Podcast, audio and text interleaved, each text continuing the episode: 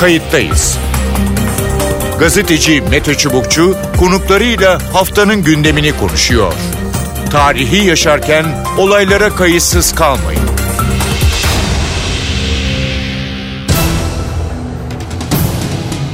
İyi günler bir kayıttayız programıyla daha karşınızdayız. Tarihe ışık tutmak ve olan biteni anlamak için önümüzdeki dakikalarda sizlerle birlikte olacağız. Ben Mete Çubukçu editörümüz Sevan Kazancı. Amerika'nın en uzun savaşı sona erdi. Afganistan'da Taliban dönemi başladı. 11 Eylül'ün 20. yılına Amerika'nın Afganistan'da başlattığı savaşı son vermesi, askerlerini geri çekmesi ve Taliban'ın ülkede kontrolü ele geçirmesi damga vurdu. 20 yıllık işgalin ardından Amerika Afganistan'da on binlerce kişinin ölümüne ve trilyon dolarlara mal olan tarihin en uzun savaşını bitirdi. 11 Eylül terör saldırıları 20. yılında ilk kez bu yıl savaşsız anılacak. Kayıttayız da 20 yılın muhasebesini yapıp Afganistan'ın nasıl bir sürecin beklediğini konuşacağız. İki konuğumuz olacak. Kayıttayız'ın konuğu Doktor Bahadır Kaynak. Bahadır Kaynak Altınbaş Üniversitesi öğretim üyelerinden. Hoş geldiniz Kayıttayız programına. Hoş bulduk merhabalar. 11 ee, Eylül 2001 11 Eylül 2021 tam 20 yıl oldu. Ee, tabii bu 20 yılın önemi özellikle son Afganistan'daki gelişmeler yani e, Amerika'nın Afganistan'ı terk etmesi. Ama önce şunu sormak istiyorum. Ee, evet bir Afganistan e, müdahalesiyle e, başladı yani 11 Eylül sonrasından.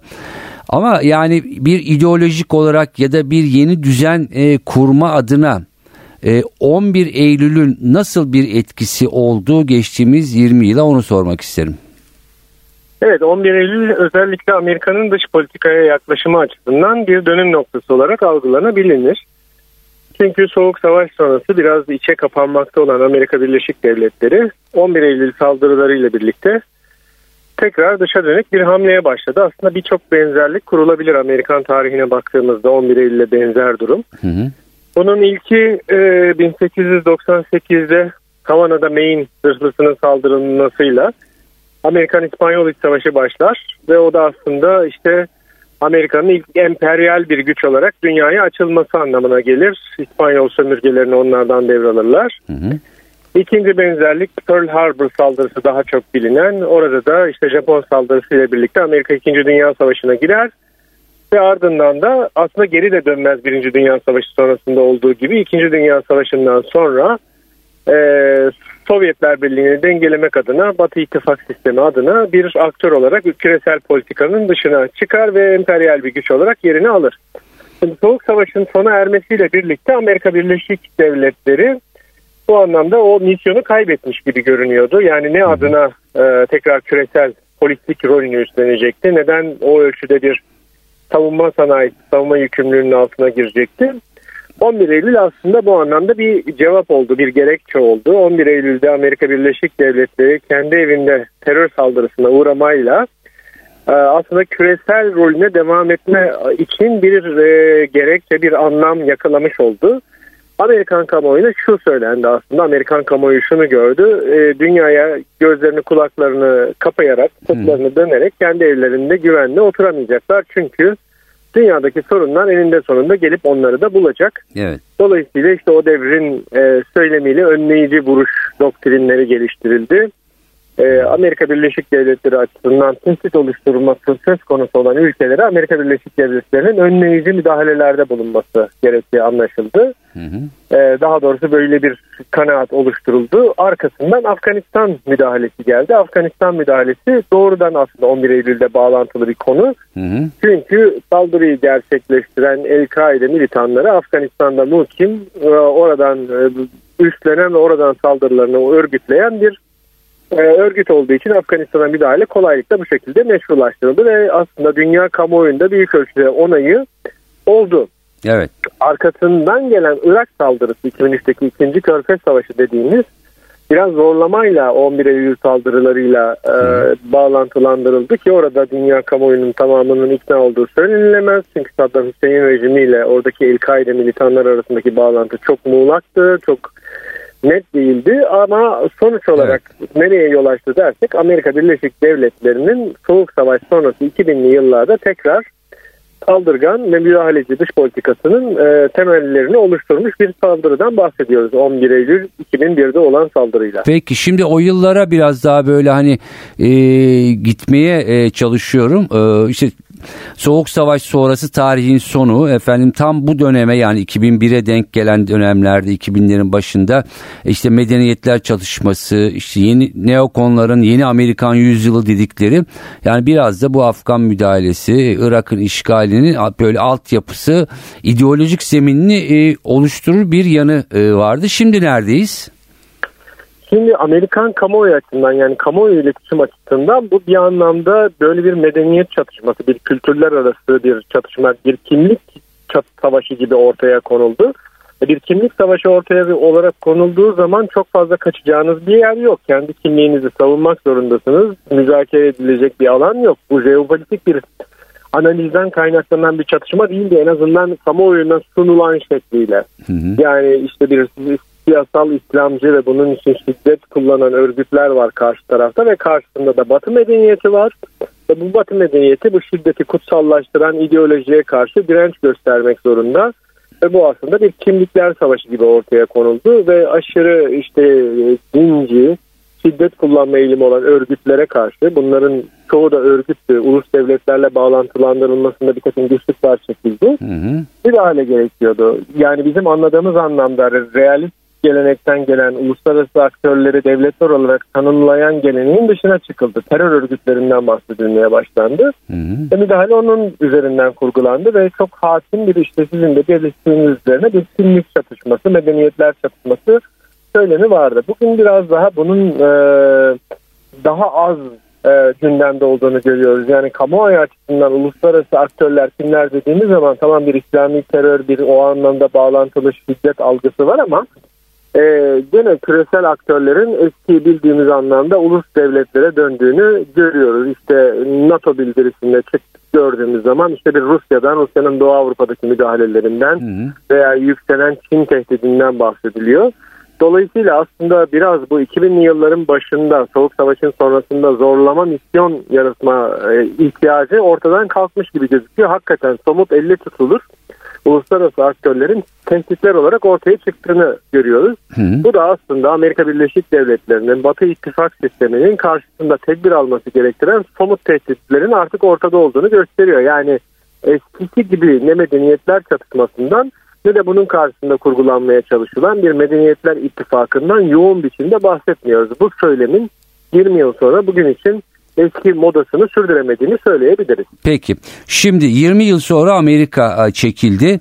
E, kimilerine göre e, Amerika'nın fiyaskosu, kimilerine göre Taliban'ın zaferi, kimileri de e, hayır Amerika zaten e, çekilmeye karar e, vermişti e, ve hani farklı bir belki doktrin oluşturacak bundan sonra ve bunun için de çekildi denmekte. Siz e, hangi görüşe daha yakınsınız?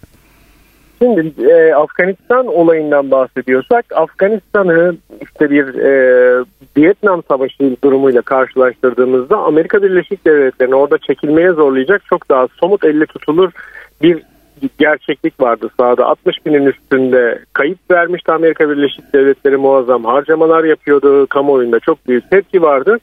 Dolayısıyla Amerika Birleşik Devletleri için bir fayda maliyet analizi yapıldığında Vietnam'da kalınmasının gerekçesi kalmamıştı. Evet. Ee, Afganistan için de çok yüksek maliyetlerden 1-2 trilyon dolar aralığında bütçelerden bahsediliyor. Ee, ama öte yanda bunun kamuoyunda bu denli bir karşılığı var mı? Yani Vietnam Savaşı'nda olduğu kadar bu konuda bir bilinç var mı diye sorduğumuz zaman buna olumlu cevap veremiyoruz. Artı kayıplar açısından bakıldığında da Amerikalıları rahatsız edecek düzeyde bir e, durum söz konusu değil. Ee, yani Amerika Birleşik Devletleri'ni Afganistan'dan çekilmeye zorlayan ne bir içeriden bir e, seçim var hem de ne de dışarıdan bir etki var. Amerika Birleşik Devletleri'nin dışarıdan baktığımız zaman kendisinin böyle bir stratejik karar aldığına daha yatkınım şu aşamada. Hı hı. Burada gene fayda maliyet analizi yaparak bu maliyetin gerekli olmadığını ve Afganistan'da varlığını başka metotlarla sürdürmeye karar verdiğine yönelik bir spekülasyon yapabilirim. Bu benim kişisel kanaatim e, Amerika Birleşik Devletleri'nin bölgeden tamamen çekileceği ve çekildiği kanaatinde değilim. Sadece araçları değiştiriyor olabilir. Doğrudan fiziksel müdahalesi yerine oradaki bazı unsurlarla ittifak yöntemiyle kalmayı tercih ediyor olabilir. e, gene NATO Haziran toplantısında e, Rusya'nın yanında Çin de bir rakip olarak nitelendirildiği için hı hı. Afganistan gibi köşe dışı bir ülkenin kendi başına bırakılması, rakiplerinin inisiyatifine bırakılması çok mümkün olmayacaktır diye düşünüyorum. E, Amerika Birleşik Devletleri'nin oradaki unsurlarla çalışma pratiği ve kültürü var. Bunu e, Sovyet işgali yıllarında gerçekleştirmişti. 2000'li yıllarda biraz resim değişti. Ee, Amerika Birleşik Devletleri oradaki yerel unsurlarla çalışmayı tercih eder. O konuda bir ideolojik takıntısı olmayacaktır diye düşünüyorum. Ama fiziksel varlığını sona erdiriyor. Ama Afganistan 20 e, yıl sonra bence e, hem bölgesel hem küresel güçlerin çatışma alanı olmayı e, devam ettirecek. Orada istikrarın sağlanmasının çok yüksek, çok yüksek bir ihtimal olacağını zannetmiyorum. Sadece oradaki farklı yerel unsurlar ölüyle eliyle bir vekaleten savaş sürecek e, gibi bir beklentim var. Peki e, son sorum kısa da bir yanıt rica ediyorum. E, Taliban gerekçesi daha doğrusu El-Kaide gerekçesiyle Afganistan'a girilmişti. Taliban da e, devrilmişti. Şimdi bir anlaşmayla tekrar Taliban e, elini kolunu sallayarak e, yönetimi e, ele aldı. Şimdi e, gelen haberler Taliban'ın çok değişmeyeceği yönünde işte uygulamaları, insan hakları, kadın hakları, diğer sokaklardaki e, insanlara, e, gazetecilere e, yönelik e, davranışları. Yani şimdi buradan e, tırnak işte terör üretilmedikçe dışarıya işte bu radikal İslami terör ya da işte o tür gruplar e, başka ülkelere sızmadıkça e, Amerika e, bu durumdan çok rahatsız e, olmayacak diyebilir miyiz? Evet Amerika Birleşik Devletleri'nin oradaki Afgan halkının acılarıyla çok dış politikasını yönlendirdiğini düşünmüyorum açıkçası. Taliban'ın da oradaki uygulamalarının kadınlara yönelik, insan haklarına yönelik uygulamalarındaki sorunların Amerika Birleşik Devletleri'nin dış politikası açısından bir kusur olduğunu düşünülmeyeceğini düşünüyorum. Amerika Birleşik Devletleri'nin küresel ölçekte çalıştığı aktörlere bakarsanız çoğunun insan hakları demokrasi anlamında karnesi oldukça zayıf. Taliban da bu açıdan istisna teşkil etmeyecek bir ülke olacaktır.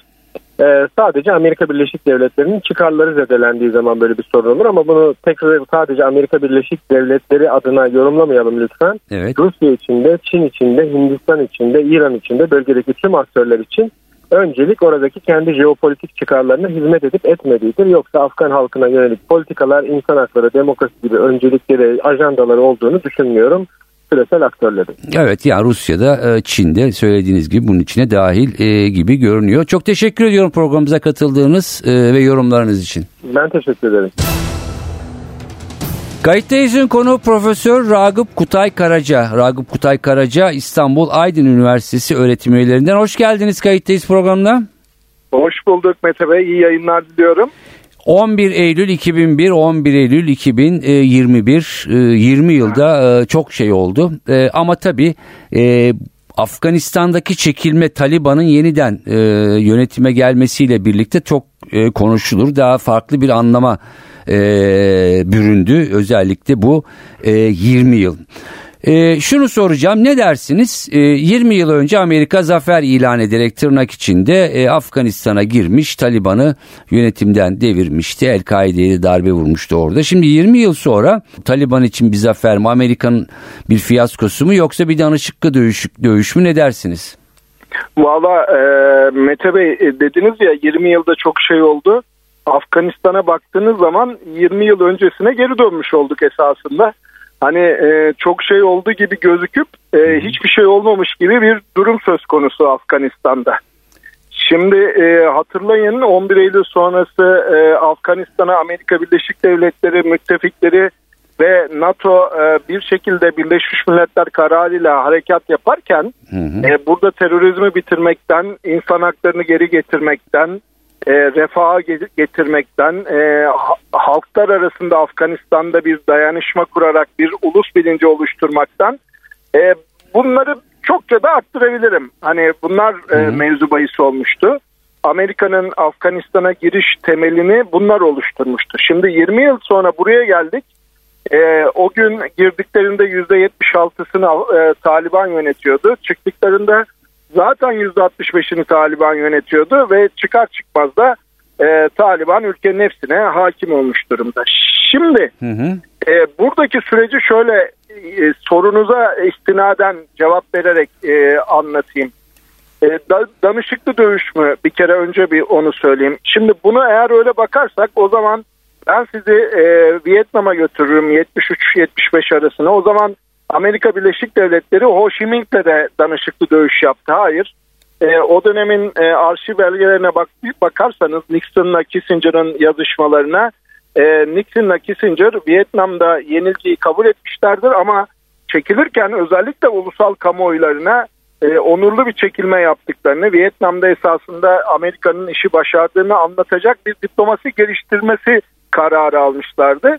Bunu da biliyorsunuz pimpon diplomasisiyle Çin'le e, kurarak gerçekleştirdiler ve hı hı. Henry Kissinger de bu nedenle biliyorsunuz Nobel Barış Ödülü aldı.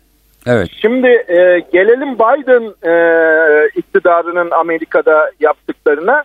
E, inanılmaz hatalı bir karar ki bunu eski başkan Trump da eleştirdi.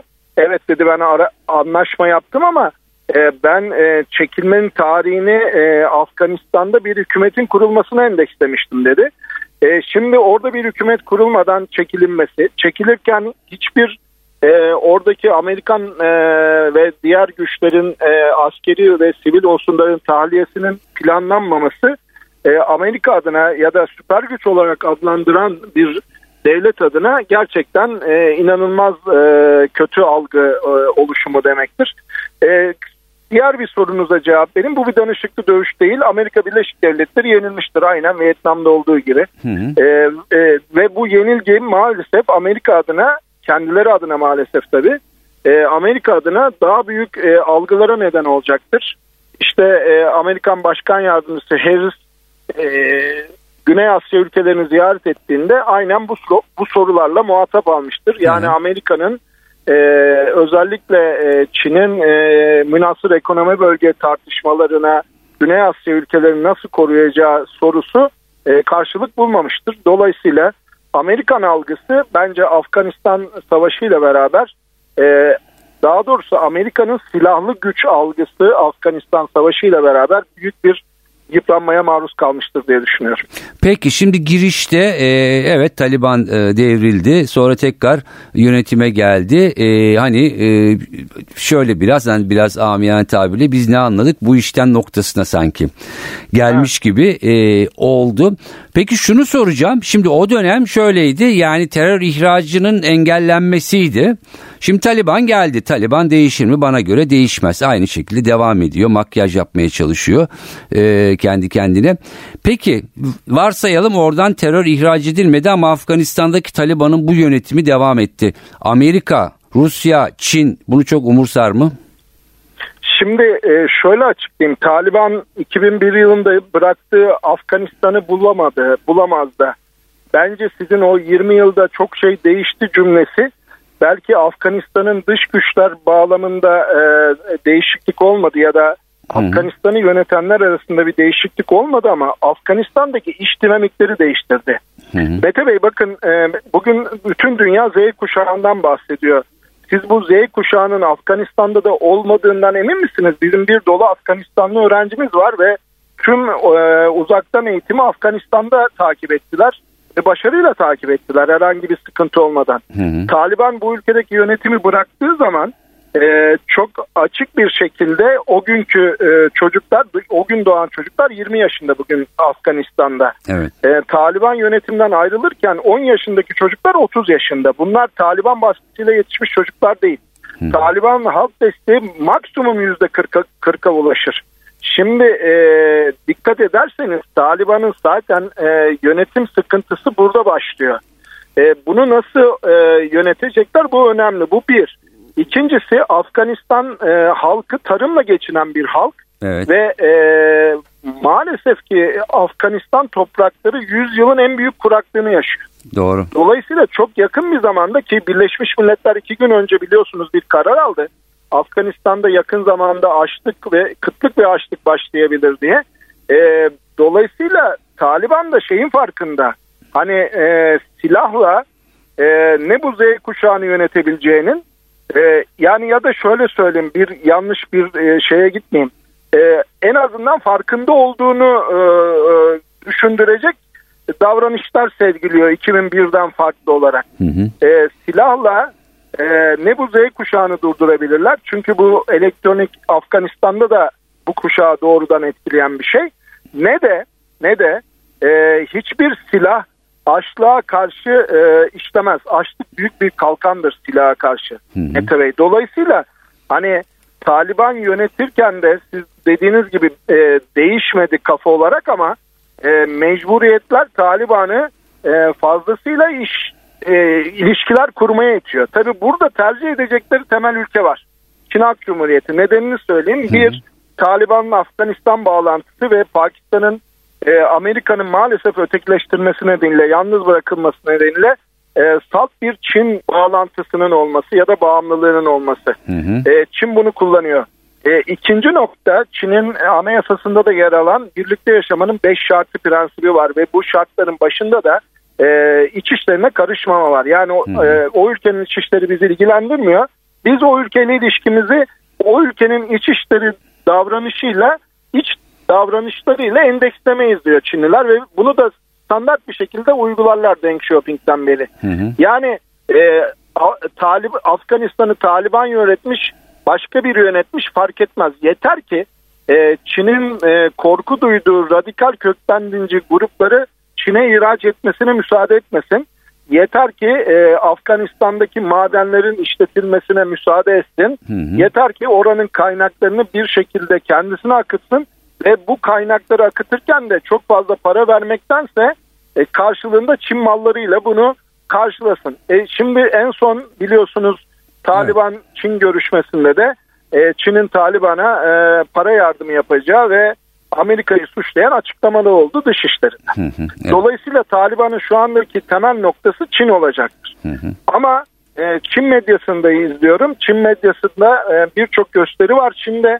E, özellikle e, e, Çinli kadınlar tarafından yapılan Taliban'ın e, kadınlara yönelik e, davranışları Çin'de de protesto ediliyor. Bu da bir kenarda dursun. Şimdi Rusya'ya gelirsek de e, Rusya fazlasıyla e, e, kendi adına e, Orta Asya Türk Cumhuriyetlerinde yer edinmiş durumda. Hı hı. E, askeri gücünü kolektif güvenlik anlaşması örgütü prensibinde sınırların güvenliği konusunda e, arttırdı. Daha fazla hava unsurları gönderdi. Özellikle Özbekistan ve Tacikistan'a daha fazla asker gönderdi. Hani biz e, Türk dünyasının e, bağımsızlığının 30 yılından bahsederken e, Taliban vasıtasıyla Rusya'nın o, o ülkelerdeki askeri varlığının artmasıyla karşı karşıya kaldık. Evet. E, bu da tabii ayrı bir sorun. E, bundan sonraki süreçte Amerika Birleşik Devletleri bu işin içerisinde ne kadar olacaktır? Hani de, e, ilk sorunuzda Amerika acaba orayı karıştırmak için mi çıktı? Çin'e Rusya'yı burayı bela etmek için mi çıktı sorusu e, bence e, hani e, şöyle değerlendirilebilir. Amerika Birleşik Devletleri bunu hesaplayacak bir e, program yapmıyor maalesef 11 Eylül 2001'den so- sonra. Amerika Birleşik Devletleri e, ha, e, harekatı yapıyor. E, yaparken harekatın sonuçlarının ne olacağını bilmeden yapıyor. Ve bu sonuçlara karşı da herhangi bir strateji geliştirmeden yapıyor. Evet. Ve çıktığı zaman tüm belayı bölge ülkelerine e, ve çevre ülkelere e, bırakıyor. Aynen Irak'ta olduğu gibi e, şimdi Afganistan'da olduğu gibi gelecekte göreceksiniz Suriye'de olduğu gibi olacak. Hı hı, peki. O yüzden bu üç ülkeyi değerlendirirsek buradaki e, Taliban'ın direkt ilişki kurabileceği en temel ülke e, bence Çin Halk Cumhuriyeti.